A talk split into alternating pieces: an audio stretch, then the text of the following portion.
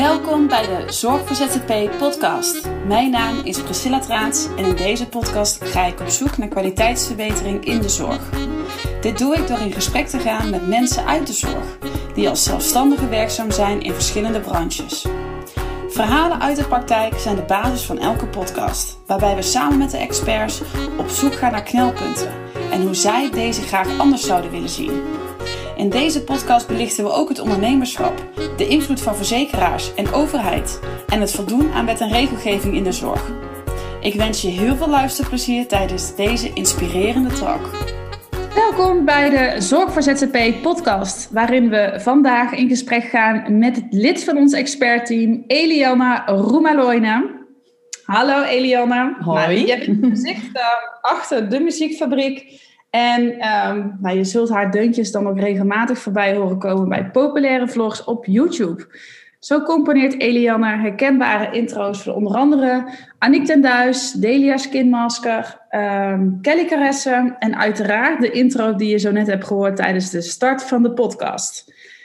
Haar passie voor muziek heeft er ook voor gezorgd dat ze zich bezig is gaan houden met meditaties en het opnemen van meditaties met binaural beats. Eliane helpt ondernemers om te gaan leven op basis van hun eigen voorwaarden, zodat de energie in je business meer gaat stromen en jij vanuit ontspanning, positiviteit op een intuïtieve manier je bedrijf inzet om een verandering teweeg te brengen in de wereld. Nou, dat is een hele mond vol. dat is nog eens een welkom, hè? Ja, toch? Nou, ik vind het altijd leuk als we de gast die, uh, waar we de podcast mee opnemen, Um, ja, dat hij ook echt een, een goede intro krijgt, zodat mensen ook meteen weten van oké, uh, dit is de persoon um, ja, die vandaag de inbreng gaat leveren. Ja, nou, dankjewel voor deze aankondiging. En uh, ja, het is, een, het is een heel verhaal. En ik ben ook een type wat, wat zich met veel dingen bezighoudt. Maar uh, vanuit Grow Flow Wow ja, help ik jouw team of jouw bedrijf om ondernemers meer te laten groeien ook, hè? Met, qua eh, mindset en qua ontspanning en dat soort dingen. Dus daar ligt denk ik wel de focus voor uh, Zorg voor ZZP. Alhoewel met muziek als energievorm uh, kun je natuurlijk ook heel veel doen. Uh, dus ja, eigenlijk die twee dingen die zijn voor mij heel erg, die horen bij elkaar. Ja. Maar kun je ons eens meenemen? Want je, je zegt het net al, grow, flow, wow principe. Wat is dat?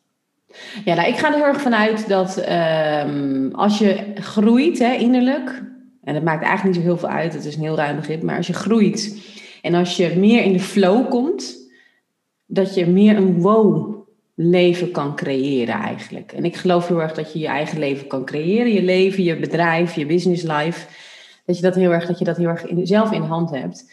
En um, ja, wat ik wel veel om me heen zie, is dat uh, ondernemers zich heel vaak in allemaal rare bochten moeten wringen om maar te voldoen aan bepaalde regels of bepaalde ja, mensen waar ze mee te maken hebben.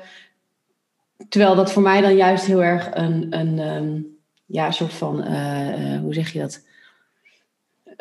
Zo van, hé, hey, word wakker, je bent iets aan het doen wat eigenlijk helemaal niet bij je past. Weet je wel, als je het gevoel hebt dat je ja. heel erg in een, rare bocht uh, moet wringen, dan is dat eigenlijk voor mij een soort van aanwijzing van hé, hey, iets gaat niet zoals ik het zou moeten doen, want ik blijf maar met een systeem bezig, terwijl het misschien helemaal niet bij me past.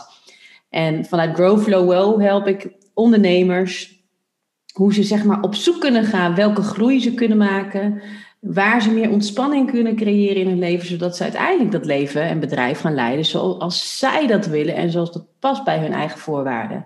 En dat kan bijvoorbeeld zijn dat je zegt van nou, ik ga niet meer met die klant werken, want die past niet meer bij mij. Of ik ga hiermee stoppen of ik ga daar meer mee verder, want dat past bij mij. Dus dat is eigenlijk hoe ik ja, ik geloof er heel erg in dat als je vanuit, je, vanuit good vibration werkt, dat je dat ook aantrekt. En op het moment dat je elke dag niet blij voelt met de manier waarop je werkt, dan is er iets stevig mis. Ja. En uh, ah, dat is eigenlijk een beetje hoe ik werk. En daarbij gebruik ik dus veel muziek en geleide hypnose meditaties en uh, bewustwordingsopdrachten en mastermind principes om ja, erachter te komen van hé, hey, wat, wat, wat vertel ik mezelf nou eigenlijk elke dag? Wat verhaal, welk verhaal vertel ik mezelf? En past dat nog bij mij zoals ik wil? Hè? Want je kan in je loopbaan natuurlijk ook ja, ja, dat weet jij zelf ook, Priscilla. Hè, de, Mhm. Tien jaar geleden ondernam jij heel anders dan nu. Klopt. Daar heb je een paar offers voor moeten brengen. eh, Maar je bent nu wel veel beter, weet je, hoe jij jouw bedrijf wilt leiden. En Ja, ik denk dat daar ook wel een heel stuk leiderschapsontwikkeling bij komt kijken. Ehm, hè, om even in te haken wat jij net zegt, van hè, het, voelt niet, het voelt niet goed. Ehm, ik ik eh, denk dat heel veel mensen ehm, eh, vastzitten in aangeleerde systemen. En, en, en daarbij eh, gaan we even terug naar de basis dat we leren. We leren heel veel dingen op school, hè? daar begint het al bij. En daar leren we allerlei. Daar moeten we eigenlijk al in een systeem passen. En als je dat daar niet in past, dan. Ehm, ja, dan, dan ga je dat als kind eigenlijk al merken. En later, op, op, als je gaat werken voor een eh, werkgever, dan zijn daar ook weer allerlei systemen en processen ontwikkeld. En ik heb altijd moeite gehad met regels, processen en, en dingen die mij opgedragen werden. Ik was altijd wel iemand die eh, heel graag buiten de lijntjes kleurde, omdat daar mogelijkheden lagen die ik, eh, ja, die ik spannend vond en die mij energie gaven, eh, maar waarbij ook mijn beloning, eh, beloningssysteem geactiveerd leek te worden. Dus dan dan lukte iets me wat buiten de gebaande paden was. En dan had ik een soort van, zie je wel, dat ook daar mogelijkheden liggen. Alleen, ehm, ja, als je dan gaat kijken naar allerlei systemen waar je in moet passen. Of stel je werkt bij een heel groot uh, bedrijf. Of je werkt in de gezondheidszorg. Hè, en, en daar zijn heel veel systemen aan de hand. Ja. Dan heb je gewoon echt een strakke jas aan. En, ja, zeker. Uh, ja, en ik denk dat ook echt wel het, het, um, het twee kanten op gaat. Dus, dus dat mensen echt wel het gevoel hebben van waar zitten die, hè, dat ze wel in de gaten hebben dat die systemen hun belemmeren in, in misschien hetgeen wat ze graag zouden willen. Um, maar het is natuurlijk ook um, als je gaat ondernemen en je, en je merkt op een gegeven moment dat het gewoon niet lekker loopt, omdat je ja, elke dag toch wel bepaalde frustraties voelt, of je moet ja. dingen doen die, niet, ja, die gewoon niet goed voelen. Um, dan, dan merk je dat wel. Maar omdat we zo opgegroeid zijn in ja. die oude systemen, weten we volgens mij ook helemaal niet wat we dan moeten doen. Dus oké, okay, ja, ik, voel echt, ik voelde echt wel jaren geleden dat, dat mijn uh, bedrijf helemaal niet meer bij mij paste. Maar mijn ja. hoofd maakte me wel wijs dat het wel zou moeten passen. Ja. Want ja, theoretisch daar had je toch jarenlang voor gewerkt. En hoe kun je nou, nu het hebt bereikt, het niet leuk vinden? Dat, zijn, dat, zijn, dat is ook het stuk van hè, de kracht van de gedachten. Van, die kunnen voor je werken en die kun je tegen je werken. En die kunnen jou uh, naar de top brengen en die kunnen je ziek maken.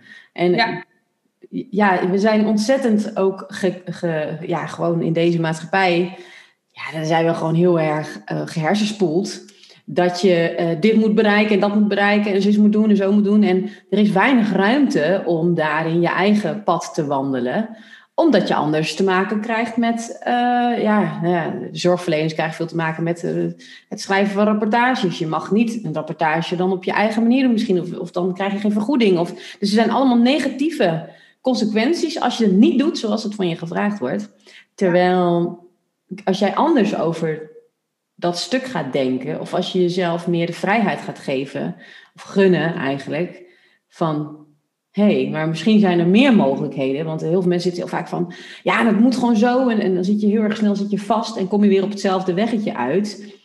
Terwijl als je net even buiten die lijntjes gaat kijken, zoals jij ook zegt, dan zijn er daar inderdaad veel meer mogelijkheden. Misschien niet op dezelfde manier als je deed, maar juist als je daar buiten gaat, komt er zoveel meer eigenlijk vrij. Dat is toch zo'n mooie, zo'n mooi fotootje op Facebook zie je toch vaak. Hè, van die vogeltjes die allemaal in die kooi zitten. En ja, zeggen, kom nou in het kooitje, kom nou in het kooitje, want uh, hier ben je veilig, weet je wel. En ja. die andere vogel die vliegt daar lekker, ja, die kan gaan waar die wil. En dat is wel een beetje ook, we zitten veel, veel gevangen in gedachten en gewoontes en ja, dingen die van ons gewenst zijn en die wij denken dat we moeten doen. Terwijl ik wel heel erg geloof in dat we allemaal op deze wereld zijn gekomen om echt vanuit je eigen goede energie zoveel te kunnen manifesteren. Dat het ik jammer is dat we in een systeem zitten wat, wat ons allemaal hetzelfde wil laten doen. Ja, het is natuurlijk aan de ene kant uh, is het zo. Uh, ik heb laatst ook een podcast opgenomen met Jacqueline. Hè, die is uh, advocaat gezondheidsrecht en ook onderdeel van het expertteam. Ja. En die kijkt hè, vanuit de juridische kant ehm, van hè, klopt alles. En, en, en ehm, hè, juridisch gezien is natuurlijk alles gebaseerd op wetten, regels en het naleven daarvan.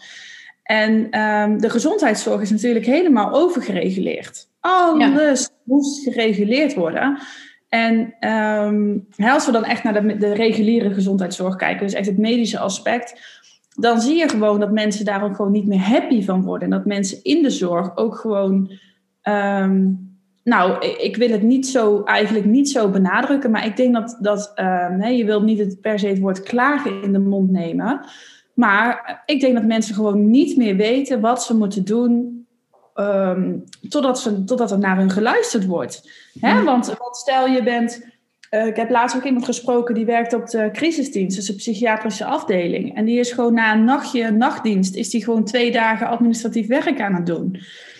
Ja, ja. dat is niet ja. waarvoor jij uh, gekozen hebt voor die functie en voor de zorg. Want je wil met mensen werken en niet de hele dag achter een bureau aan het typen zijn. Plus, ik denk dat heel veel mensen ook voelen dat dat niet de waarde is die ze kunnen leveren. En ja, dat zeker. Heel veel in zit. Ja. Ja, zeker, zeker. En dan kom je ook het stukje mindset. En daar zou ik wel eens met jou dieper over in willen gaan. Is uh, wat, je, wat ik zelf ook zei. Hè, van ik, het, zit in mijn natuur heel erg om buiten de lijntjes te willen kleuren. En te kijken wat daar allemaal gebeurt en wat daar mogelijk is. Um, en ook ik heb wel eens dagen dat ik denk... Poeh, tegenwoordig kan ik dat loslaten. Dat ik denk, oké, nou, dit is gewoon een dag waarbij de oplossingen even niet uit de lucht gevallen komen. Waarschijnlijk komt die dan morgen wel. Maar ik merk ook dat mensen het gaan forceren. Bijvoorbeeld, ik moet weten wat ik moet doen. Of dat mensen juist in de bevriesstand komen. Dus dat ze mhm. eigenlijk gewoon alleen nog maar het probleem zien. Ehm, dus, dus daarbij ook, waar liggen de mogelijkheden om dat kleine stukje vrijheid, wat je dan bijvoorbeeld wel hebt, ja kunnen gaan gebruiken, is dat, dat is ook een stukje mindsetontwikkeling. Ja, en ik denk ook heel, ik denk ook dat uh, bijvoorbeeld, ik kan wel even een leuk voorbeeld noemen van waar we het laatst over hadden in de, in de mastermind bijvoorbeeld. Daar was een, iemand die, die werkte in de complementaire zorg. En die zei ja, want iedereen in mijn vakgebied ervaart het ook zo. Dat als we te maken hebben met een arts, dan moet de de, de verslaglegging, dat moet wel professioneel, want anders dan, ja, hè, uh, artsen denken toch vaak dat wij in ons vakgebied uh, ja, de kwakzalver zijn. En je merkte heel erg aan de manier waarop hij dus dacht over wat iemand anders over hem dacht. Op basis daarvan zijn acties ook wilde doen. Want zijn doel was, daar kwam hij mee binnen, hoe kan ik zo goed mogelijk verslaglegging doen, dat het professioneel is en dat het past bij de wensen van de arts.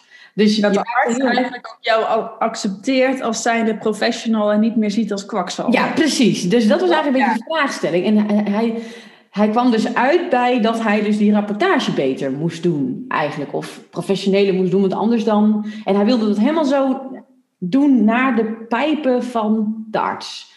Nou, toen gingen we daarover in gesprek. En dan kom je dus heel erg uit bij welk verhaal vertel je nou eigenlijk aan jezelf? Je vertelt dus de, eigenlijk dat je niet gelijk bent, want jij moet je conformeren aan een ander. Terwijl als je allebei gelijk bent, dan mag je zijn wie je bent op jouw manier. Je, gaat, je vertelt dat iedereen het zo vindt. Oké, ja, dat kan. Je sterkt elkaar ook nog eens. Ja, maar dat is dus wel wat je jezelf steeds dat Ja, iedereen vindt het zo. Iedereen vindt het zo. Terwijl toen zei ik op een gegeven moment tegen hem, ik zeg maar ook als je het nou eens vanuit, vanuit de andere kant bekijkt. Je kan nooit voor iemand, stel je voor je dat je het helemaal perfect zou doen. Je gaat op je kop staan uh, en je schrijft het uh, helemaal uh, met mooie sierletters, whatever. Het is een slecht voorbeeld, maar al doe je dat. Degene ja, ja, ik snap wat je bedoelt. ontvangt is zelf de baas over wat hij daarvan vindt. Daar heb jij geen invloed op, wat een ander vindt. Snap je? Dus en als je er al van uitgaat dat iemand boven jou staat en niet naast jou staat. Ik bedoel, uiteindelijk ben je allebei bezig met de gezondheid en de, de, de, gezondheid voor je klant. Dus dat moet je einddoel zijn. En dan helpt het niet erbij dat jij je, gaat, dat jij je onder iemand zet. Je, dan, jij bent gelijk aan iemand. Je wil allebei goed voor de, voor de klant. Dus dan is het fijn als jij open staat voor de arts. Maar dat mag jij ook terug verwachten, dat hij open staat voor jou. En op het moment dat dat niet zo is, ja, oké, nou dan is dat niet zo. Maar jij kan daar niks aan veranderen. Dus de, de, de manier waarop jij dus ook denkt over wat iemand van je zal vinden. Je kan ook denken van, goh, dit is een kans voor iemand anders om zich meer te gaan informeren over complementaire zorg naast reguliere zorg, zodat we er samen voor kunnen zorgen dat, dat de klant geholpen wordt. En als je vanuit die basis gaat denken, dat je allebei het beste voor hebt met, en niet dat jij ondergesteld bent aan, maar dat je samen in een multidisciplinair team werkt naar gezondheid toe, dan is, jou, dan is dat helemaal niet belangrijk hoe jij dat schrijft eigenlijk. Jij schrijft het vanuit jouw expertise, net als dat de ander het naar jou zegt. En daar, daarin kun je over uh, in gesprek gaan. En snap je, dat is een beetje die mindset. Je kan dus denken vanuit oeh, uh, iemand denkt niet over mij. Of je kan vanuit een open gedachte, van met de beste intentie, je, je ding uitzetten. Dat is zo anders wanneer je zo gaat werken dan wanneer je denkt, iedereen in de branche met mij, die vindt ook dat de arts uh, dit of dat of zus of zo, weet je wel. Dat is zo anders als je, dus welk verhaal vertel je jezelf? Daar ja, ik ik denk, op de, uh, ik denk dat daar ook echt wel de, een kern zit uh, voor de toekomst. Hè? Want, want uh, als ik ga kijken ehm, naar uh, Zorg voor ZZP, hè, dat, dat, dat ik dat bedrijf heb opgericht. Ik, ik richt me daarbij op de complementaire zorgverlener en op de medische zorgverlener die open staat voor alternatieve manieren van behandeling. En die ja. voorwaarde is heel belangrijk. Um, juist ook wat jij net zegt. Um, in de basis wordt iemand arts of wordt iemand zorgverlener of kiest iemand voor hulpverlening, zorg, wat dan ook, omdat hij een ander wil helpen. Ja, we willen elkaar allemaal helpen. Dat is uiteindelijk de basis.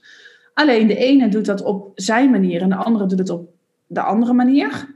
En ik denk zelf dat er een heel groot bewustzijnsverruiming aan de gang is. Ook mhm. bij de mensen die medisch opgeleid zijn.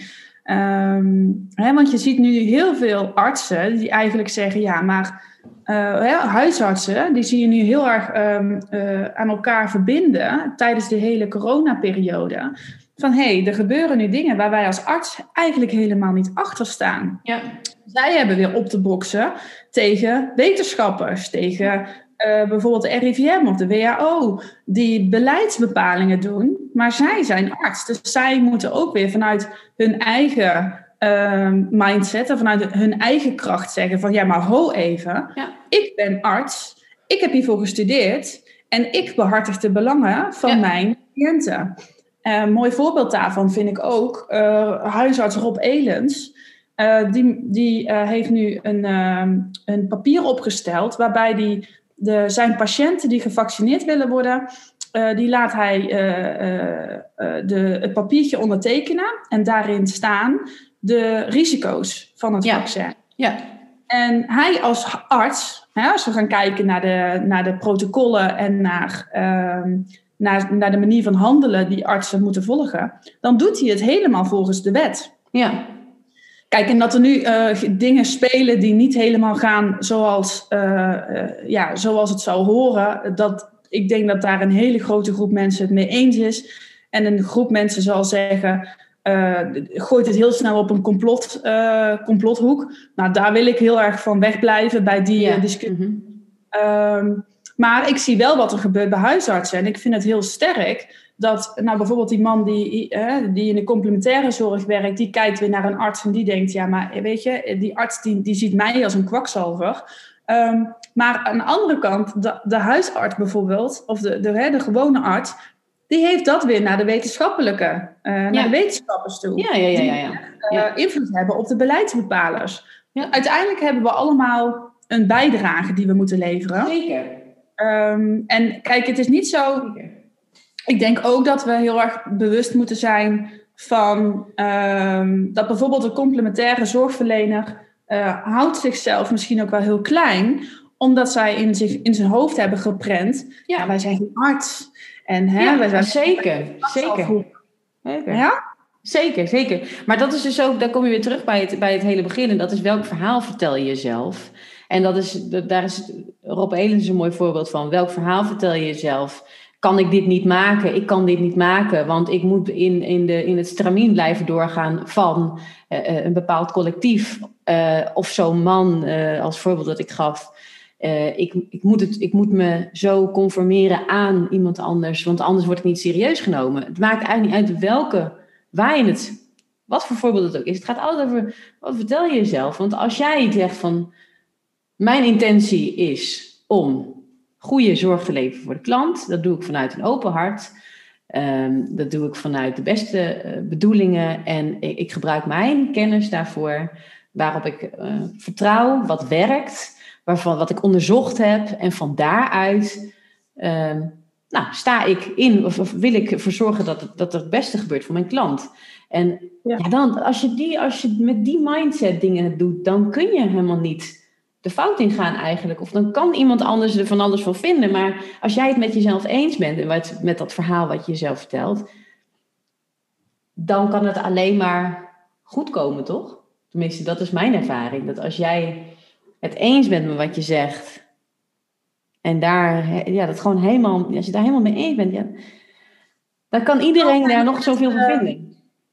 Kan het zijn dat mensen bang zijn om het fout te doen? Hè? Ik, ik, ik, Um, ik, ik kan wel begrijpen, um, kijk, een jaar geleden was ik ook was ik vrij kritisch op, op het hele beleid. En uh, wat heel veel mensen dan verwarren, is dat mensen uh, direct bijvoorbeeld ontkenners zijn.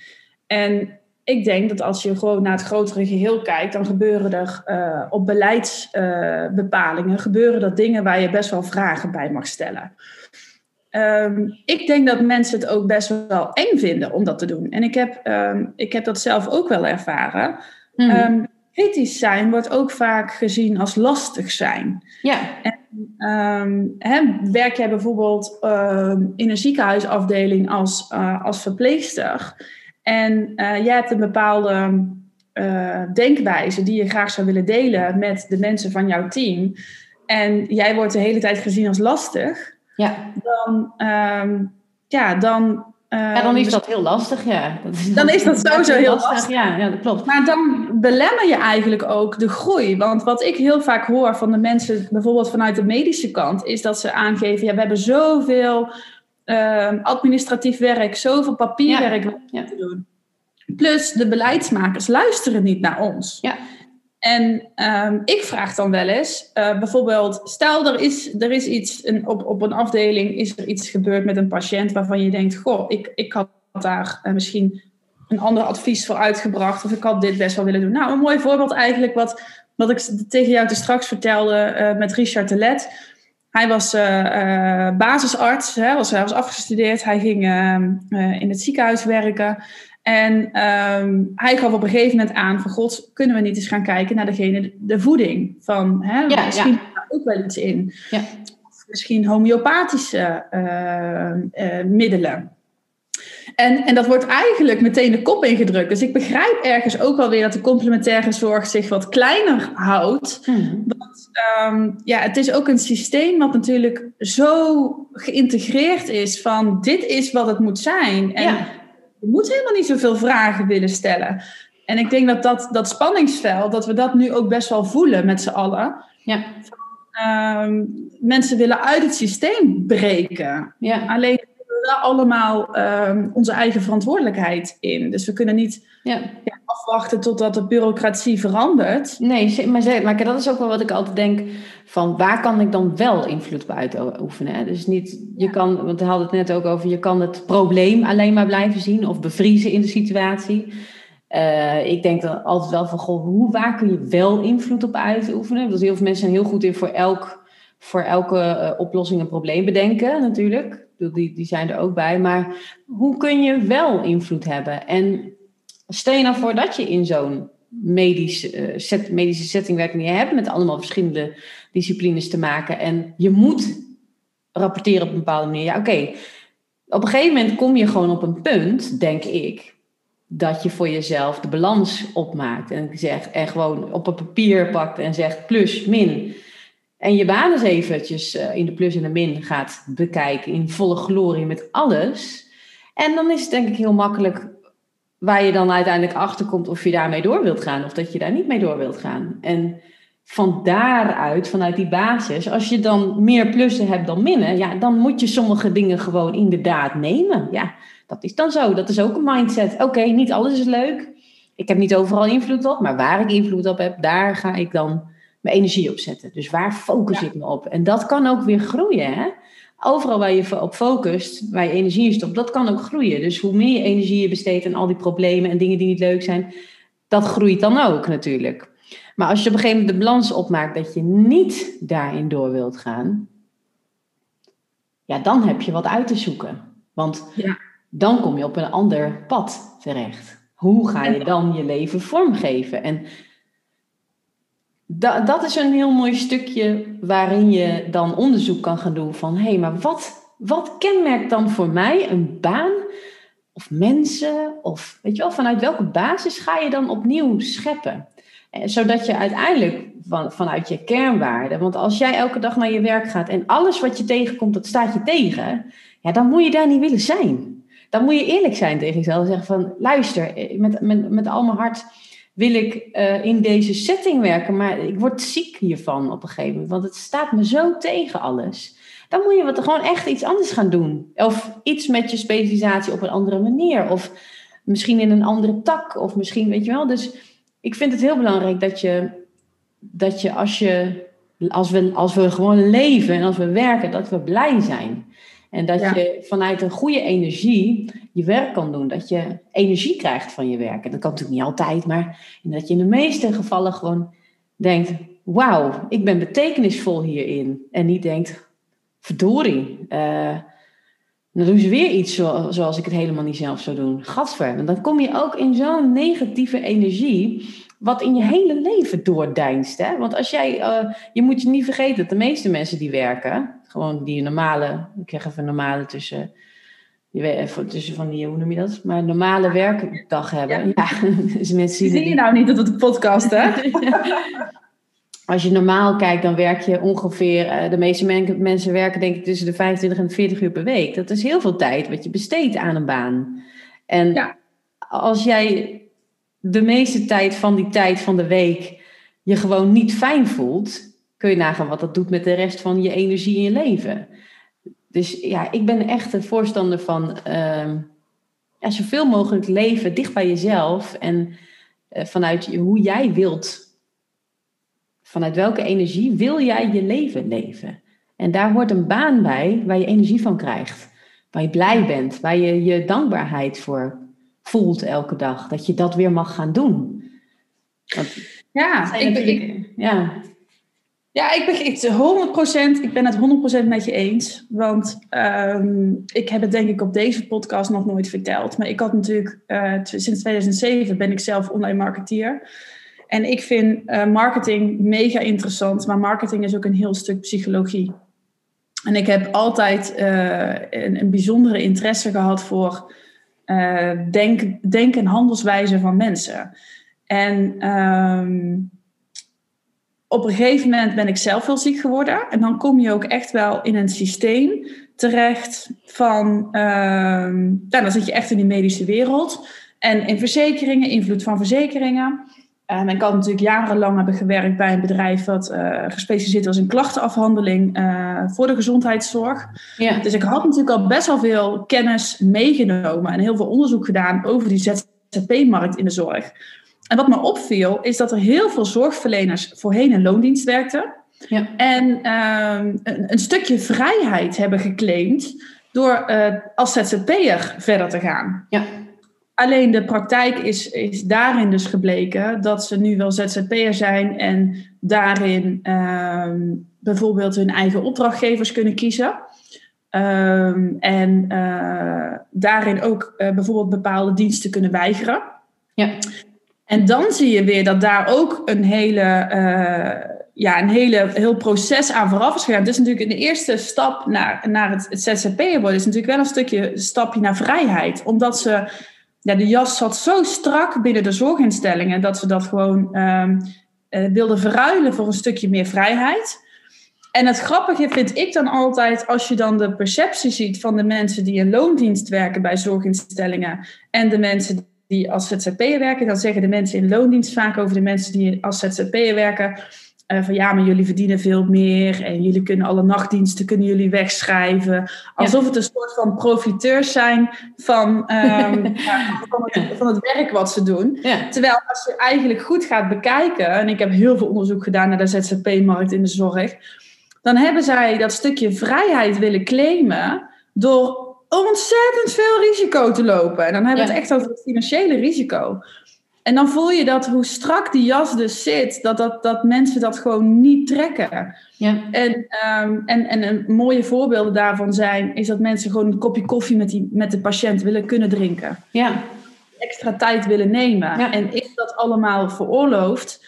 Nou, ik denk doordat ze dat doen, en dan moet je nagaan dat ze daar dus hun eigen salaris voor opofferen. Maar daarmee verander je wel een stukje van de zorg van binnenuit. Ja. Want Ehm, je, kunt niet, eh, je kunt het niet blijven accepteren dat je op basis van beperkte budgetten en bezuinigingen gewoon op een gegeven moment geen tijd meer hebt om, om, om, om effectief met iemand, uh, met een patiënt bezig te zijn. Het moet allemaal snel en op uren en tijd en alleen maar rapporteren. Um, en ik vind, het, ik vind het dan dus ook echt um, ontzettend knap en ik stimuleer het dus ook heel erg dat mensen op een gegeven moment de stap hebben gemaakt van ik word ZZP'er, want ik wil nee kunnen zeggen. Ja. En ik wil die extra tien minuten kunnen pakken. En al is dat wel op mijn eigen kosten, ik doe dat. Ja. En daarmee heb je natuurlijk, zet je een eerste stapje naar transformatie van een heel systeem. Ja. We zijn natuurlijk nog lang niet, want, want dit, hè, dat is alleen maar dat. Ja. Um, het is echt de, de regie terugpakken. Ja te kunnen handelen vanuit jouw, jouw basis, hè? vanuit hoe jij, uh, waarom jij zorgverlener bent geworden. Om zorg te ja.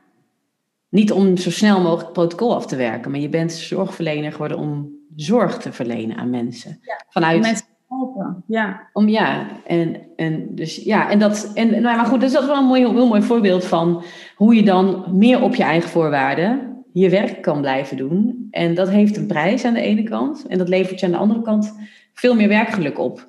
En ja, misschien ook werkstress. Maar goed, daar zijn ook weer dingen voor te bedenken. Hè? Hoe je met stress om kan gaan en dat soort dingen. Dat is ook een van de dingen die ik met Grow Flow Wow heel belangrijk vind. Grow, dus groei. En flow, zodat je meer vanuit ontspanning en een andere mindset kan gaan werken. Zodat je uiteindelijk ja, meer die, die, die mindset ontwikkelt. Zodat je het A eens bent met jezelf, B je er blij van wordt en C je gewoon denkt, wauw. Dit heb ik toch maar mooi voor elkaar gekregen zelf. Ik doe nu wat ik leuk vind. Ik weet dat er risico's zijn, maar ik durf het aan. Want ik weet dat ik het kan. Ik weet dat ik het kan. En ik weet welke tools ik kan gebruiken om te ontspannen. En ik weet hoe ik voor mezelf kan zorgen. En ik weet hoe ik. Snap je wel? Dus dan krijg je op een gegeven moment ook een hele andere dynamiek in je leven. Hè? Als je zo. Je, je bent niet meer dat is denk ik ook heel eng voor heel veel mensen. Dat je als je op een gegeven moment zelfstandig wordt, dan heb je niet meer een baas die je de schuld kan geven. Je hebt niet meer een baas die voor je toch wel wat geld stort, want je moet zelf je klanten werven. Dus het, heeft, het geeft aan de ene kant de vrijheid en aan de andere kant die afhankelijkheid is ook soms wel heel fijn, makkelijk en comfortabel om niet zelf verantwoordelijk te zijn voor alles. En dat is wel het stukje. Uh, ja, het is een heel moeilijk proces naar. Ik denk dat dat het moeilijkste proces is naar ondernemerschap. Ja. Die eerste, ja. eerste stap, die zit aller. Je ziet wel eens ooit die plaatjes met die ladders, weet je wel? Dat iemand die hele hoge tray als eerste probeert te nemen. Um, maar dat het eigenlijk allemaal kleine stapjes zijn voordat je daar bent. Um, ja, maar dat, dat is denk ik wel inderdaad. Want... Maar dat is natuurlijk het, ondernemerschap in zijn in algemeen, hè? in zijn algemeenheid. Aan de ene kant is het het geeft je heel veel vrijheid en het geeft je ook veel um, uitdagingen. En ik denk dat als je ondernemer wordt, dat je, dat je helemaal als je gewoon um, hebt gekozen voor een beroep, om, om, uh, als zorgverlener, dan ben je niet direct bezig met het zijn van ondernemer. Maar als je ZZP'er wordt, vanuit de, de, de, vanuit de, de werkvloer, vanuit een baas, en je wordt ZZP'er, dan, dan moet je ineens ook een hele andere uh, ja, persoon in jezelf ontwikkelen. ontwikkelen, zeg ik daarbij. Want je, de meeste mensen die zijn geen ondernemer van nature. Die zijn, nou, die hebben, die hebben dat wel in zich misschien. Maar je moet, dat is een spier, die moet je ontwikkelen. Daar moet je een mindset voor creëren. Daar, kom je, daar loop je tegen dingen aan in jezelf. Dat je denkt, wow. En ik, ik weet, omdat ik ben zelf al jaren ondernemer. Jij natuurlijk ook. Dat dat, dat is een ongoing process. Ze zeggen wel eens, every level has another devil. Nou, dat is gewoon zo. Dat kom je minder tegen in een baan als je gewoon werkt. Dan kom je ook dingen tegen. Maar als je ondernemer bent, dan word je echt een soort van zonder bandjes, eh, terwijl je nog misschien niet kan zwemmen of wel in het type gegooid. En zoek het uit. En weet je wel, gaandeweg ja, krijg je daar gewoon tools bij. Uh, ga je een paar kopje onder. Uh, ja, dat hoort er allemaal bij als ondernemer zijnde. En dan ja, is het juist... Wat is een ondernemersmindset? Als je bijvoorbeeld als ZZP'er Um, um, ik, ik vanuit mijn, ik doe natuurlijk best wel veel, ik, ik, zit midden in die markt en ik kijk over en ik spreek heel veel mensen. Ja. En dan denk ik, stel nou, je bent uh, verpleegkundige en je past niet meer in het dagelijks leven uh, van het ziekenhuis uh, als, hè, als, als baan. En je gaat voor ZZP, je gaat als ZZP'er verder. Ja. En ehm, dan heb je de eerste stappen. Dan denk je, oké, ehm, wat heel veel mensen doen is zich aanmelden bij een bemiddelingsbureau. En dat bemiddelingsbureau is oh ja, een nieuwe werkgever. Oh ja, ja, ja, ja. ja. Ja, soort, het is een soort uitzendbureau, denk ik, of niet? je ja, het is een, ja, ja, het is, maar dat komt omdat natuurlijk al die zorg, uh, die zorg is, is allemaal verzekerd. Hè? Dat is de oh, basis, ja. basis en uh, dus dan gaan ze vanuit het ziekenhuis, gaan ze zich daarna terug laten verhuren door verschillende instellingen. Ja, ja. Um, dus dan hebben ze wel verschillende opdrachtgevers, wat ze heel prettig vinden. Want dan, uh, ja, dan heb je ook, uh, leer je ook van elke afdeling weer nieuwe dingen. Maar ik kan me op een gegeven moment ook voorstellen dat je ehm, merkt dat je, en dat, dat vond ik een mooi voorbeeld van uh, Richard de Let de laatste keer. Van, er kwam iemand binnen die had leverproblemen. Oh ja, ja. ja. In het ziekenhuis gaan ze dan het, lever, uh, het leverprobleem oplossen door ja. operatie of door medicijnen of wat dan ook. Maar er wordt niet gevraagd aan diegene hoeveel alcohol ze wekelijks nuttigt of hij. En, en als je dan, uh, ja, je kunt dan die lever proberen te repareren, maar als er vervolgens elke week zeven flessen wijn naar binnen gegoten worden, dan gaan we het probleem natuurlijk met z'n allen niet, niet opgelost krijgen van het symptoom wat, wat zichtbaar wordt.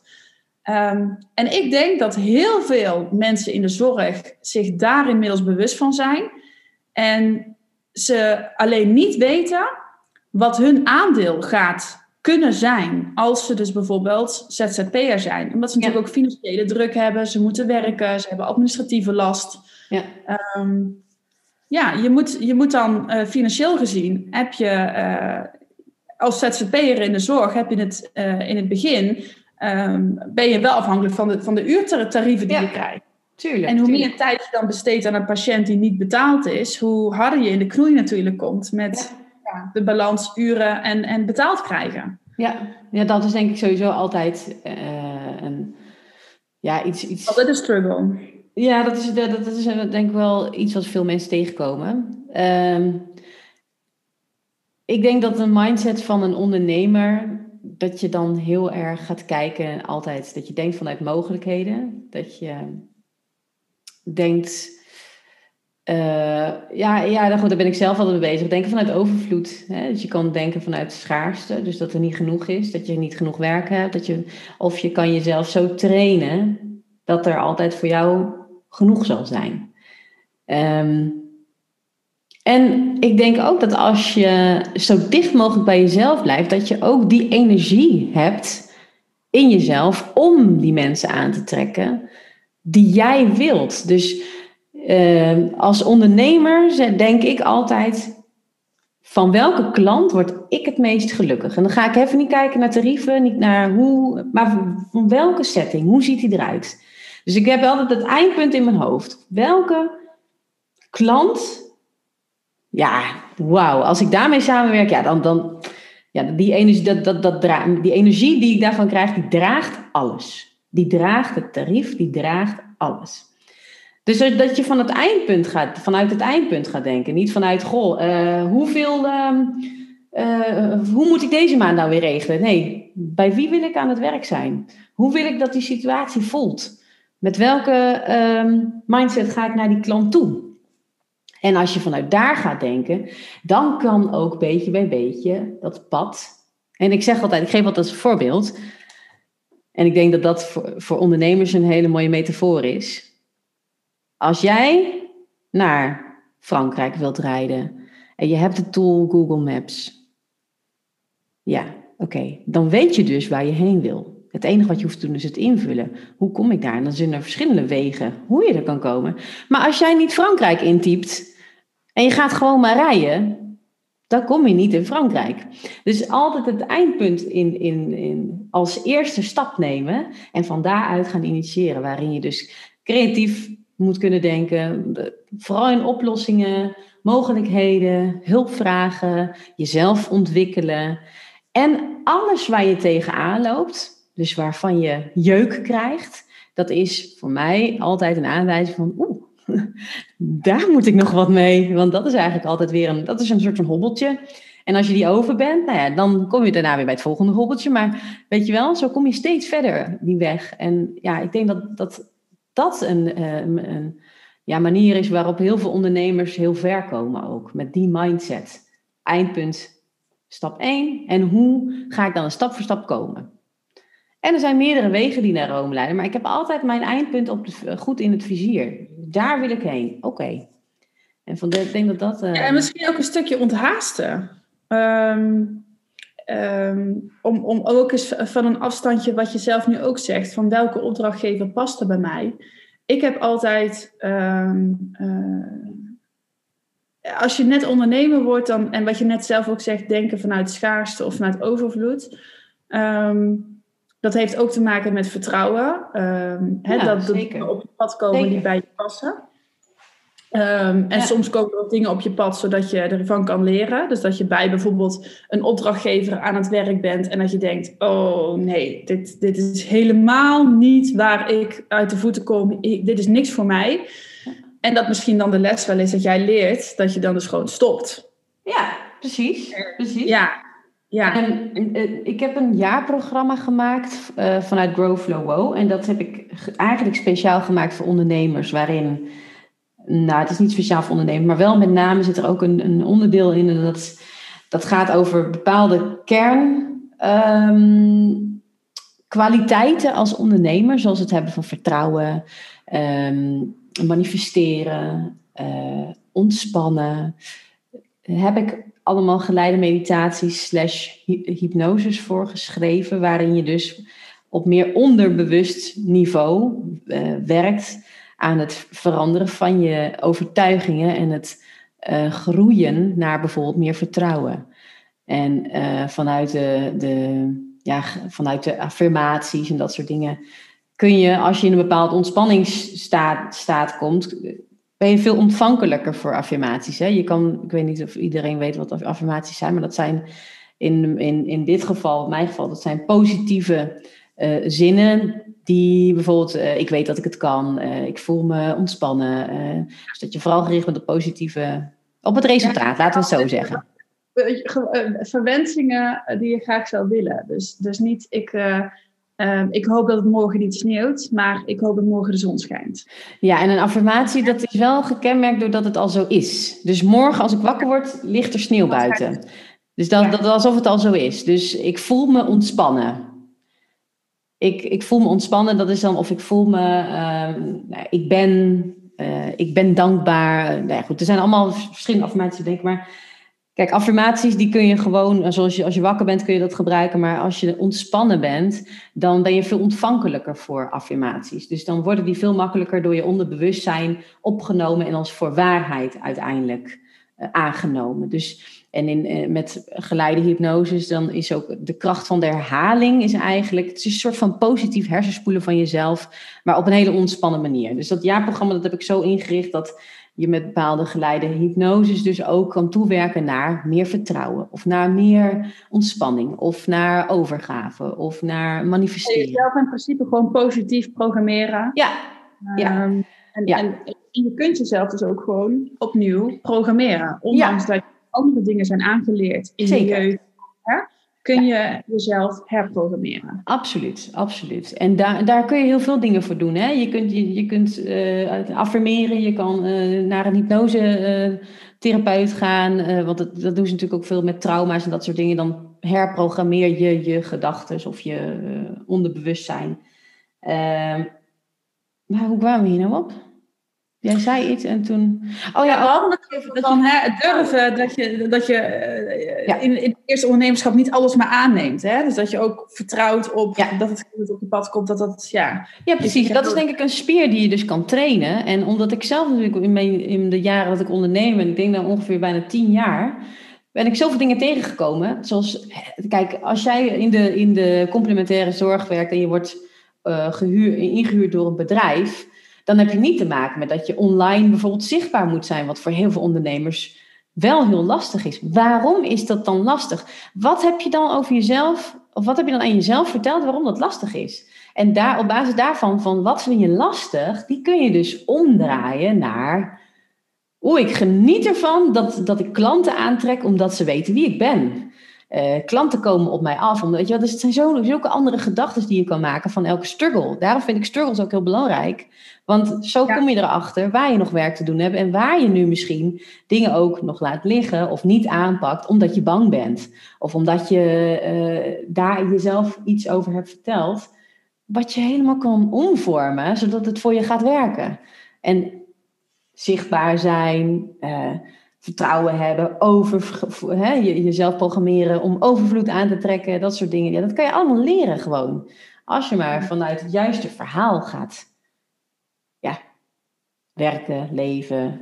En ja, ik geloof er echt in dat, dat je veel in je leven kan creëren. Ja, sowieso. Ik denk dat het ook wel begint bij het creëren van je eigen leven. Wat je zelf ook in het begin zei, van dat je ondernemers ook begeleidt, dat ze op hun eigen voorwaarden gaan ondernemen. Ja. Ehm, en dat is wel een groeiproces. Want ik moet zeggen dat ik. Uh, dat, tuurlijk, je ziet het op Instagram. En ik denk dat iedereen daar wel zit. Of op Facebook of waar mensen zich dan op bevinden. Um, dat mensen wel dat soort teksten zien. En ik heb ook lange tijd gedacht van ja, leven op je eigen voorwaarden. Dat mhm. is niet van vandaag of morgen gebeurd. Want um, ja, als je op een gegeven moment ehm, een, een hele andere voorwaarde hebt uh, en jouw leven moet er heel anders uitzien vanuit jouw verlangen als hoe het er nu uitziet. Ja. Dan uh, denk ik dat je er ook van bewust moet zijn dat bepaalde dingen, uh, dus dat je daar afscheid van moet gaan nemen. Ja, en dus misschien ook wel kapot gaan. Ja. Um, dat, is, en, dat is altijd het risico wat, wat, ja. er, wat erbij komt kijken. En je moet het ervoor over hebben om dat op te geven. Kijk, we hebben het niet over gehad. maar... te maken, toch? Voor, ja, voor... zeker. Bijvoorbeeld, mijn eigen leven is wel een goed voorbeeld. We hebben het er nog niet over gehad, maar ik woon op Tenerife. Ik woon inmiddels al meer dan eh, twaalf jaar in Spanje. Iedereen is nu heel jaloers. dat hoeft dus niet. Dat hoeft dus niet. Want dat is maakbaar, zo'n leven. Dat kan oh, iedereen. Ja. ja. Iedereen die dan tegen mij zegt van... Oh, wat lekker zeg, zou ik ook wel willen. Dan denk ik altijd gelijk van nou ja, als jij dat echt wil, dan woon jij hier volgend jaar. Ja, weet je wel, als je het echt wil, dan, dan... Kijk, voor mij is het niks anders dan voor jou. Als je het echt wil en je hebt het ervoor over om de offers te brengen... en je hebt het ervoor over om in beweging te komen... en je hebt het ervoor over om te bedenken hoe je het wil... dan gaat het gebeuren. Want dan is de weg vrij. Dan heb je in de Google Maps ingetikt Tenerife... en dan zit jij daar volgend jaar. Dus stop saying dat je het wel ook zou willen, want anders dan nee, tot volgend jaar dan hier, weet je wel? Dat denk ik wel altijd, maar goed. Um, Begrijpen mensen dat als je dat zegt?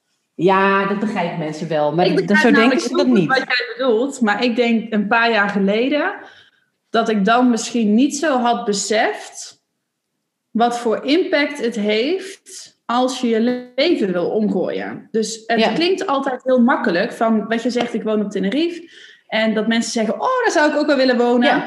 Ehm, als je dat echt wil, dan kan dat. Maar de offers die ik moet leveren om daar te wonen, kunnen goed niet de offers zijn die jij moet leveren. Ja.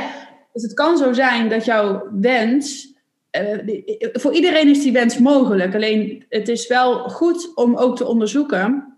De offers die je moet leveren om dat te doen, ja. is het je dan nog waard? Ja, want anders moet je niet zeggen dat je het ook zou willen, want dan kan het dus niet. Dus dan wil je het niet, snap je? Of dan kan het misschien niet. Wil je het wel, maar kan het niet. Of je offers zijn gewoon te groot, weet je? Dat je denkt, ja... Ja, maar dat je, is natuurlijk relatief. Dat je offers te groot zijn. Dan is het je niet waard. Dat kan. Of, Ja. kijk, als je te maken hebt met ziekte of met dat soort dingen, ja, dan, is, dan hebben we het over overmacht. Maar laten we uitgaan van dat we, eh, laten we deze situatie uitgaan dat het, dat het zou kunnen. Hè? Dat Ja. het mogelijk is.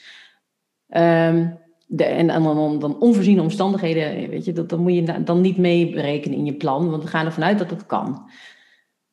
Ja, dan begint het bij jezelf zien dat je daar ergens woont. En hoe ziet het er dan uit?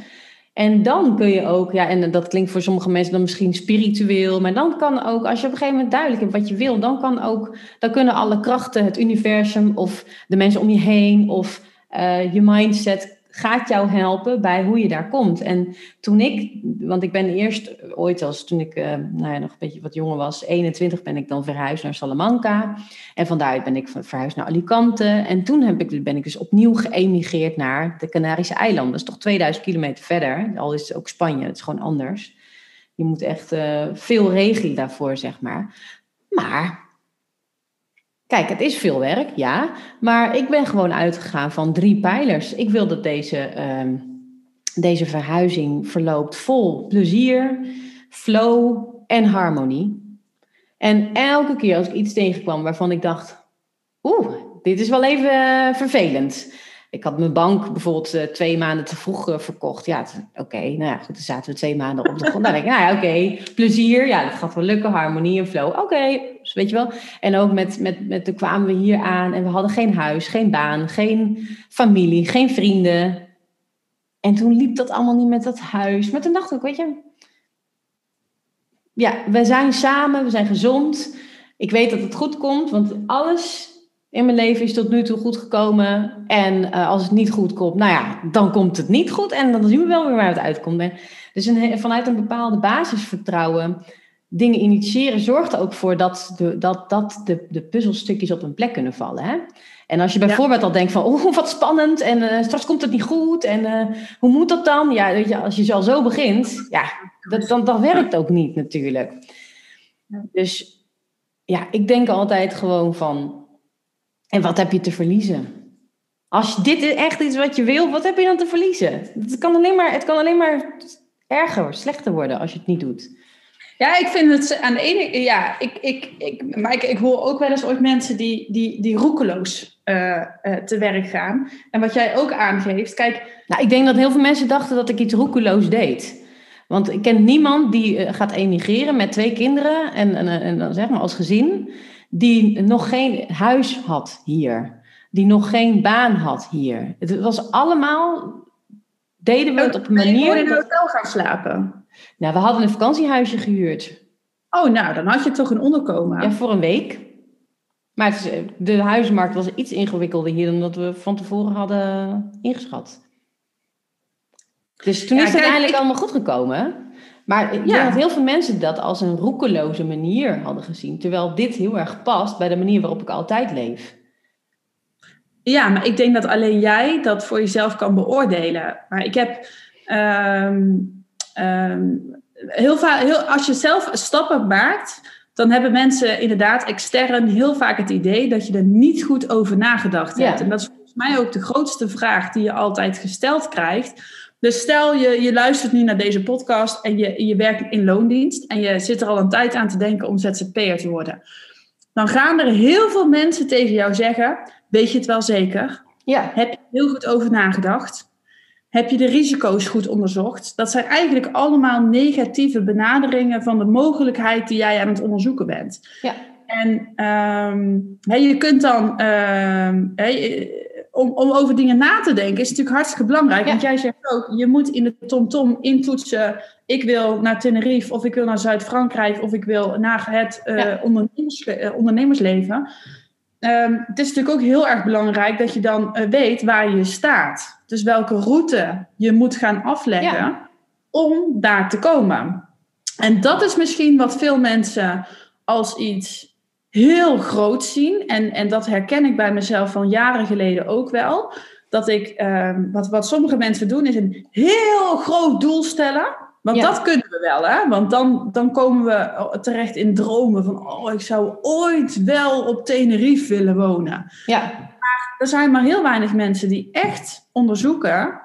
wat er nodig is om op Tenerife te wonen. Ja. En, en maken het dan misschien in hun hoofd onnodig ook veel te groot. Want ehm, misschien kun je je droom ook opknippen in wat eh, kleinere stapjes. Van oké, als ik ZZP'er wil worden, of ik wil op Tenerife wonen, wat heb ik dan nodig om dat te realiseren? ja. En dan komt het misschien aan op, nou, mensen denken meteen, oh, Tenerife, oh, dan moet ik een inkomen hebben. En eh, nou, dan, eh, ja, dat kost me zeker 5000 euro per maand. En, en misschien is dat helemaal niet waar. Hè? Dus je moet eerst wel een onderzoek doen van, nou, ook als je ZZP'er wordt, ja. een realistisch onderzoek van wat heb ik eh, elke maand aan inkomsten nodig om bijvoorbeeld hetzelfde te verdienen als Ja. wat ik verdiende in loondienst. ja. ja. Ehm, nou hoef je daar geen genoegen mee te nemen, want je wordt geen ondernemer om hetzelfde te blijven verdienen als wat je in loondienst hebt verdiend. Hè? Dat, dat- laten we daar wel gewoon heel realistisch in zijn. Maar dat is wel een heel mooi vertrekpunt. Ja. Want dan heb je wel financieel gezien een bepaalde basis, hè? Wat, wat, wat een basisvertrouwen geeft. Ja. Ja, En dan ga je hoe ook kom ik daar? Ik denk ook wel eh, van, als je bij de, het ene iets krijgt, moet je soms bij het andere iets inleveren. Dus het kan ook zijn dat je zegt van, oké, omdat ik mijn, eh, mijn ultieme wens ga uitvoeren, en dat is eh, in dit geval even of ondernemer worden of eh, naar het buitenland verhuizen, ehm, calculeer ik ook in dat ik met ik woon nu in een, in zo'n huis, dan calculeer ik ook in dat ik een tijdje in een misschien iets lelijker huis ga wonen. Dat ik misschien niet elke maand zoveel kleren kan kopen. Dat ik niet, snap je? Dus je kan ook heel erg minimaliseren door te kijken wat heb ik minimaal nodig. En daar conformeer ik mij aan gedurende een periode, zodat ik wel die wens kan achterna gaan. Precies. En dan Ja. dat, ik, dat ik zeg, ik ga daarna elke maand ga ik weer na zes maanden eh, te zijn gezetteld of eh, hebben ge, ge- ja, geprobeerd, hou ik niet van het woord, maar je bent eh, ondernemer geworden, je bent zes maanden bezig. En dan na zes maanden zorg ik ervoor dat ik per maand weer met zoveel procent ga groeien. Dus zo ga je dan, die, die, wat jij ook zegt, die droom in stapjes opdelen. Soms moet je eerst ergens een stapje terug doen, zodat je een grote stap vooruit kan zetten.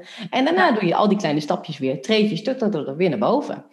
En het is ook net, hoe kijk je er tegenaan? Hè? Dus wat vertel je jezelf weer van, oeh, dan moet ik eh, ja, inleveren. Ja, maar je wint ook heel veel aan de andere kant. Dus hoe zet je, je dat, dat voor jezelf ook uiteen? Hè? Dat idee van, oké, ik word dus ondernemer. Heel veel mensen die, twijfelen aan. Gelukkig. Want op het moment dat mensen nog aan jou twijfelen, betekent dat niet dat ze aan jou twijfelen. Dat betekent eigenlijk altijd dat zij in dezelfde situatie aan zichzelf zouden twijfelen. Dat is ook heel belangrijk. Het helpt jou ook om te kijken naar, wil ik het echt? Want als jij het op een gegeven moment jezelf eens bent, dan zal niemand meer twijfelen. Want dan, dan, dan straal je dat niet meer uit. Dan is het, en dan, dan kun je het laten zien dat het jouw pad is. Dus dan zal niemand meer denken van... Als jij op een gegeven moment een bloeiend bedrijf hebt... dan gaat niet iemand zeggen van... nou weet je het wel zeker? Of je een bloeiend bedrijf wilt. Ja, dat doet niemand. Want dan Nee. heb je laten zien dat het... Dat het weet je wel? Toen ik net begon met mijn bedrijf... eh, Het is meer dan tien jaar geleden... Niemand werkte online. Mijn bedrijf lanceerde ik vanuit Spanje hoogzwanger. Online. Niemand werkte online. Niemand ging video bellen. Dus ik ging mijn eerste interview doen. Ik heb geen idee hoe ik mijn eerste klant ooit. Ik deed maar wat met mijn websiteje destijds nog. Schreef ik een blogje en blijkbaar was er iemand die dat zocht en mij vond. Dat heb je ook nodig. Een klein beetje hulp. Dus zoek ook mensen die jou daarin steunen, in jouw idee. Die wel in jou geloven, want die heb je heel hard nodig, die cheerleaders. Ja. Ehm, want En die vandaag. zijn beperkt. Die zijn beperkt. Wel, maar die zijn er, die zijn er. Die zijn Ja, er altijd. En Ja. ehm, dat is ook, hè, als jij eenmaal op weg bent en je ziet dat iemand zin heeft om het te gaan doen, hè, geef, hem, geef hem een setje, geef hem hulp, geef hem... Maar dus ik begon met dat, met dat eerste liedje en op een gegeven moment, toen dacht ik, ja, maar dit kan gewoon. Kan, dit wil ik. Ik wil vanuit Spanje een online bedrijf hebben met Nederlandse klanten. En het, ik, ik zag gewoon dat het, het, werkte gewoon. Het, het, het liep gewoon. Dat ik dacht, ja. Terwijl als ik dat aan iemand had verteld, dat idee, hoogzwanger. 24 was ik, hoogzwanger. Net, ik was net logopedie, uh, logopedieopleiding, had ik een paar jaar, een paar daarvoor al afgerond. Ik had ook als online logopedist gewerkt trouwens. Dat was wel een van mijn ehm, eye-openers van... hey, het kan gewoon op afstand, kan je dus werken. Dus dat heeft voor mij wel heel erg de ogen geopend ook. Dus toen dacht ik ook, nou dan moet dat ook kunnen met muziek, weet je wel, met mijn, met mijn wens. En toen dat eenmaal ging lopen, niemand had tegen mij gezegd, Eliane, toen het nog niet liep, wat een goed idee zeg. Nou, dat is vast markt voor. Uh, nee. Nee. nee, soms moet je ook echt hè, stilletjes aan je pad volgen. En niemand vertellen wat je gaat doen. Om het eerst zelf te onderzoeken en zelf te voelen. En zelf te ervaren of dat echt is wat jou wil. Totdat je daar zo zeker van bent en het dan pas naar buiten brengt. Dan geef je jezelf. Is net dat er een baby in je buik groeit. En dat is misschien voor de man een beetje lastig voor te stellen. Maar eerst ziet niemand dat. Dan mag dat groeien totdat het helemaal. dat je zelf aan het idee gewend bent. En dat je. Weet je wel? En op een gegeven moment, als jij eraan gewend bent en jij wil het vertellen. Je hoeft dat niet te vertellen totdat je vijf maanden zwanger bent, bij wijze van mag je het eerst helemaal ook in jou laten groeien. En ik denk dat dat ook heel belangrijk is. Ja, ja, het is ook, het is, het, ja, het is, uh, um, ik wil ook dingen nooit onnodig heel groot maken. Maar wat ik uh, wel altijd mee wil geven, is dat ik het keuze maken dat je ondernemer wilt worden. En of je nou, hè, want, want um, het, is, het is een keuze naar een stukje vrijheid. En dat is denk ik de allergrootste keuze of stap die je in je leven kan maken. En al voelt dat misschien pas als het begin van hè, ik ga mijn bedrijfje proberen op te richten, want dat hoor je heel vaak. Hè? Ja. Dat heel erg. Ik heb een bedrijfje. Oh ja, ja niet meer doen. Gewoon ja, niet meer doen. ja, maar ik heb maar een praktijk aan huis. Ja. ja? Nou, ik snap niet wat daar mis mee is. Maar goed. Ja. Um, het, dat, dat, um, um, de, de stap naar, naar vrijheid is de grootste stap die je in je leven kan maken, denk ik. En de grootste bewuste stap. En vervolgens is het, is het, is het een kwestie van opknippen en in kleine stapjes zorgen hè, dat je als mens zijnde ook gaat groeien. Want um, ja, zoals ik het heel erg zie in het ondernemerschap, en dat hoor ik heel vaak in de zorg, en ik, kan er nooit zo, ik geef daar zelf nooit uh, gehoor aan, omdat ik dat zelf uh, merk dat sommige mensen moeten nog een aantal stappen maken. En dat heeft met name te maken in de, uh, de, de schop- en klaagmodus.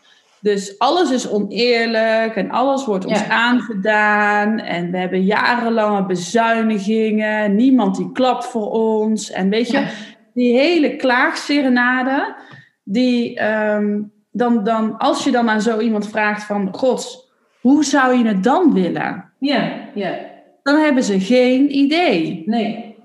Nee, maar daar heb je ook geen tijd voor om daarover na te denken als je steeds in, die, in, in die modus blijft zitten natuurlijk. Want dan, dus ja, dan blijf je steeds in het verleden hangen, terwijl je niet met de, je energie zet op hoe je het wel zou willen. Dus ja, dan kom je daar niet achter. Nee. nee. En dan zit je ook nog eens natuurlijk op een afdeling wat dat elkaar ook nog eens versterkt. Ja. En dan kom je thuis en dan zet je de beeldbuis aan. En dan zie je daar ook nog eens een hoop ellende. Dus dan versterk je eigenlijk continu je eigen negatieve emoties. Ja. Dus als er op een gegeven moment mensen zijn die zeggen: Ik ga eruit stappen. En met alle risico's van dien en met alle onzekerheden die daarbij komen kijken, kies ik voor het ondernemerschap. Dat kan ik alleen maar toejuichen. Ja. Ik vind het zo knap als mensen dat doen. Ja. En vooral in de zorg. Ja, absoluut. En ik denk dat daarom Zorg voor ZZP ook wel een heel mooi initiatief is. Ook omdat je het veel ruimer neerzet dan alleen maar een regeling voor, maar echt meer een platform voor maakt ook. Zodat mensen die groei kunnen maken en zodat ze zich gecheerlead, zeg je dat zo, voelen. En dat ze de mogelijkheid hebben om zich verder te ontwikkelen. En samen met experts ook aan hun zij te kijken van... hé, hey, waar heb ik hulp nodig? Oké, is het een stukje uh, iets in met een advocaat of is dat juist meer daarop of meer op energie gericht? Ja, dan kunnen ze gewoon ook terecht. En dat is een hele um, ja, mooie extra discipline voor, um, of een tool voor hen om ja, als een stok achter de deur te hebben en ook een, een soort van zekerheid aan te hebben. Ondanks dat het zo'n onzekere uh, stuk is voor heel veel mensen. Ja, en vooral ook, hè, wat, wat, wat jij ligt er dus straks ook toe. Het is op een gegeven moment ook belangrijk dat je bepaalde ehm, ja, vooruitgang blijft boeken. En als je gaat kijken naar hoe, met welke gedachtegang. Ik heb natuurlijk Zorg voor ZZP echt opgericht vanuit mijn idealen, vanuit mijn wens. Ja. En ehm, als ik dan ga kijken naar de frustraties die er bij heel veel mensen zitten, maar ook mijn eigen frustraties, dat ik echt dacht: de gezondheidszorg die moet op de kop. Dat moet, hè, het systeem moet op zijn kop. En dat kan ik nooit alleen. Uh, dus daar heb ik heel veel mensen bij nodig die hun energie eigenlijk met elkaar verbinden. Ja. En dat, dat, uh, daar hoef je niet veel voor te doen als alleen maar uh, zorgen dat je sterke ondernemer, ondernemers creëert. Ja. Van binnenuit het ja. zorgsysteem gaan ja, gaan evolueren, zeg ik eigenlijk ja, altijd. Ja, Want dat is mooi gezegd. ondanks dat je natuurlijk heel veel wetten en regels hebt, en, en jij doet onze mastermind reflectiesessies, um, wat natuurlijk aan de ene kant een verplichting is binnen de wet. Ja. Maar um, um, uh, het is een mooie stok achter de deur omdat het een verplichting is. Nou, je kunt dan zeggen, poeh, weer een verplichting. dan denk ik dat je ook misschien je niet thuis voelt in onze reflectiesessies. Want ik merk dat de mensen die zich aanmelden, dat het mensen zijn die zeggen van dit is voor mij echt een groeimoment. Ja. ja. Ik ga van een afstandje eens naar mezelf kijken, naar mijn handelen, naar mijn eigen mindset, naar wat ik kan bereiken. En ik, ik kijk, ik neem een onderneming serieus. Ik neem Ja. mezelf serieus als zorgverlener. En, ehm, en dan ga je op een gegeven moment ook die groei creëren. Dus dan zie je het ook niet meer zo als een last, maar dan zie je het als een positieve investering in jezelf, in je onderneming, maar ook in de toekomst van de zorg. Ja, absoluut, absoluut. En uiteindelijk met als doel om nog, eh, nog completere zorg te geven aan je klant. Wat je uiteindelijke doel is natuurlijk wel nou, voor de meeste zorgverleners, om mensen eh, ja, te helpen aan een fijner, gezonder, beter leven. Met meer Ja. levenskwaliteit. Hè? Daar Ja. ga je uiteindelijk voor. Dus eh, ja, dat Nou, we hebben veel besproken. ja, we zijn inmiddels een uur verder, geloof ik. nou, ik moet zeggen, ik, ik had, eh, ehm, ik vind, ik vind, wij, wij spreken elkaar volgens mij bijna elke week. En ehm, eh, met, met gasten eh, in de podcast die ik natuurlijk niet zo vaak spreek, bereid ik de podcast altijd heel erg voor met bepaalde vragen die ik wil stellen. En vandaag dacht ik, dat wil ik bij jou eigenlijk niet doen. Want ehm, onze gesprekken gaan altijd zo vanzelf. Omdat we Ja. ja, over heel veel dingen natuurlijk ja, nadenken, mee bezig zijn. We zijn allebei ondernemers, zijn allebei moeder. Ehm, en, en uh, dus ik, ik, wilde er een lekkere open podcast van maken. Volgens mij is dat wel gelukt. Ja, volgens mij ook. Ja, we hebben veel leuke dingen besproken. Dus ja, ja dankjewel voor dit leuke gesprek. Ja, graag gedaan. Graag gedaan. Dan, um, um, ik denk ook wel dat mensen die, uh, die luisteren en, uh, uh, en, en... Want we hebben net een stukje natuurlijk verteld van de reflectiesessie. Nou, als je dus een reflectiesessie boekt bij Zorg voor ZZP... dan krijg je die van Elianne. Ja. En dat gaat via Zoom. En de eerste positieve geluiden, die hebben we mogen ontvangen. Het waren hele leuke, maar ook hele intensieve sessies. Dus we doen het met ja. maximaal vier personen. Ja, ja, ja, maximaal, ja, ja. Maximaal vier personen uh, om echt uh, goed uh, binnen te kijken. Misschien als laatste, als afsluiting van deze podcast. Um, um, kun je meer vertellen over hoe dat jij de reflectiesessie insteekt? Wat mensen daarvan kunnen verwachten? Want ik krijg namelijk heel vaak de vraag... Um, is het een intervisie? Nou, eigenlijk laten wij bewust alle systemen los. Ja, ja, en ja, toch ja. Um, hebben we natuurlijk wel een plan en, en, en is het ja. wel gestructureerd. Maar we laten alles, bestaande systemen in principe los. Ja, ja dat, is, dat is ook heel prettig. Maar kijk, het gaat er eigenlijk over... Voor mij zit het hem heel erg in waar zit je groei? Waar kun je meer ontspannen? Zodat je nog fijner kunt ondernemen en uiteindelijk dus betere, completere zorg levert voor je klant, waarbij jij je fijn voelt. En pijlers zijn wel het, ondernemerschap bevorderen, uh, maar we kijken ook heel erg naar je onderscheidend vermogen. Uh, dus we, we zoomen in op het ondernemerschap en kijken waar zit jouw groei. En dat doen we wel vanuit een bepaalde casus die jij zelf inbrengt. Dus jij loopt ergens tegenaan met een andere zorgverlener. Of uh, je hebt een. Nou, het maakt eigenlijk niet uit. Maar het, is vooral de bedoeling dat, dat je uit die casus dus zelf een bepaalde groei kan halen, zodat je het in volgende keren uh, zo kan regelen voor jezelf dat je je er fijner bij voelt. Dat het past bij wie je bent, dat het past bij je waardes. En um, kijk, waar we, hoe we het de, de vorige keer hebben gedaan, is dat we vooral kijken naar um, hoe je vanuit je eigen verhaal eigenlijk, um, dus vanuit je casus, maar ook vanuit je eigen verhaal als wie ben jij als ondernemer? En waarin onderscheid jij jezelf? Wat is de waarde die jij levert in je uh, in je sessies of in je bedrijf of voor je klant. Uitgaande van, de, van je uh, ideale klant. En daarna kom je op de hot seat eigenlijk. En in de, op de hot seat mag jij gebruik maken, want dat is in de mastermind natuurlijk wel het principe. Dat jij gebruik mag maken van de mind van de anderen in de groep.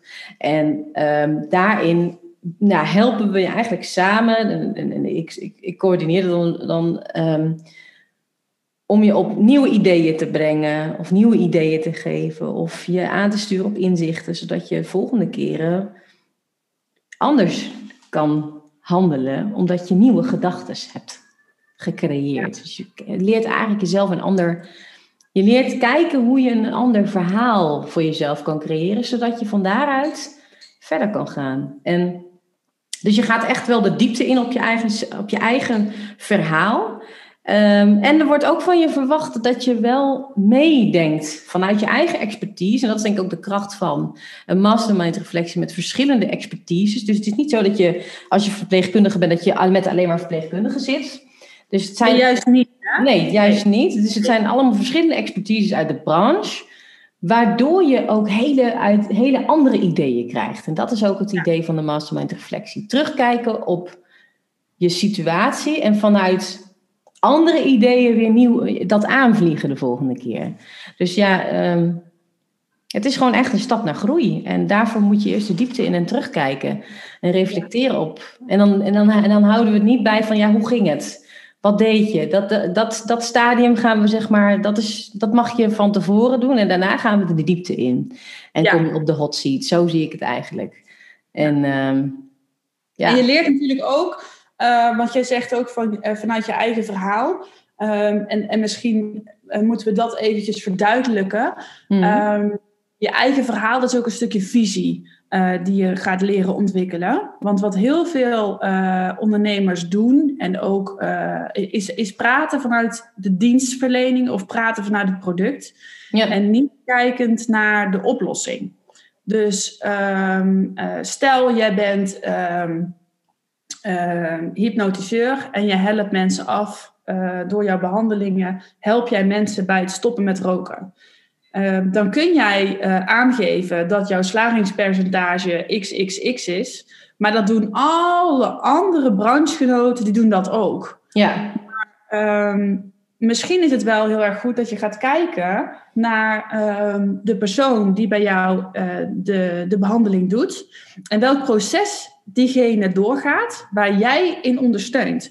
Dus stel je gaat stoppen met roken, wat zijn dan de moeilijke punten waar zo'n persoon doorheen gaat, waar jij nou juist uh, ook voor hebt en, en ja. hoe jij zo iemand begeleidt. En zo creëer je ook jouw verhaal, dus jouw toegevoegde waarde, richting degene die jou gaat behandelen. Dus niet alleen maar denken van de producten of de diensten die je verkoopt, maar de oplossingen die jij biedt. Ja, ja.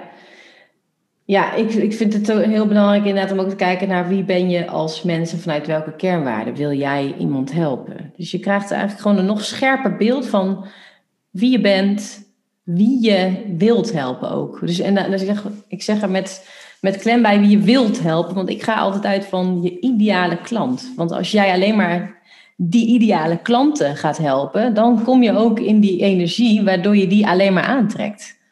Ja, klopt. En dat is zo'n zo'n zo'n heen en weer, uh, hè? kaats de bal en je krijgt hem terug, zeg maar, dat idee. Uh, 100% en dat beaam ik. Uh, ik ben zorg voor ZZP begonnen en ik had een heel diep verlangen om de complementaire zorg aan te trekken. Uh, maar ik merkte ook dat ik in het begin nog niet heel hard durfde te kiezen. Mhm. En dat is ook een beetje een, een denkwijze, toch een beetje dat je wel weet dat je vanuit overvloed moet handelen. Maar dat is toch een beetje die onzekerheid die er nog een beetje in zit als je een bedrijf lanceert. En ik zal vertellen, wij dat hebben. Mag, hè? Dat mag ook. Want je mag Ja. ook onzeker zijn. Ja, ja. En dat, overigens heeft me dat niet belemmerd. Ik wist dat het er was. En ehm, ik heb natuurlijk alle teksten geschreven vanuit mijn ideaalbeeld. En ehm, de energie die in mijn teksten zit, die trekt exact de klanten aan die ik wil hebben.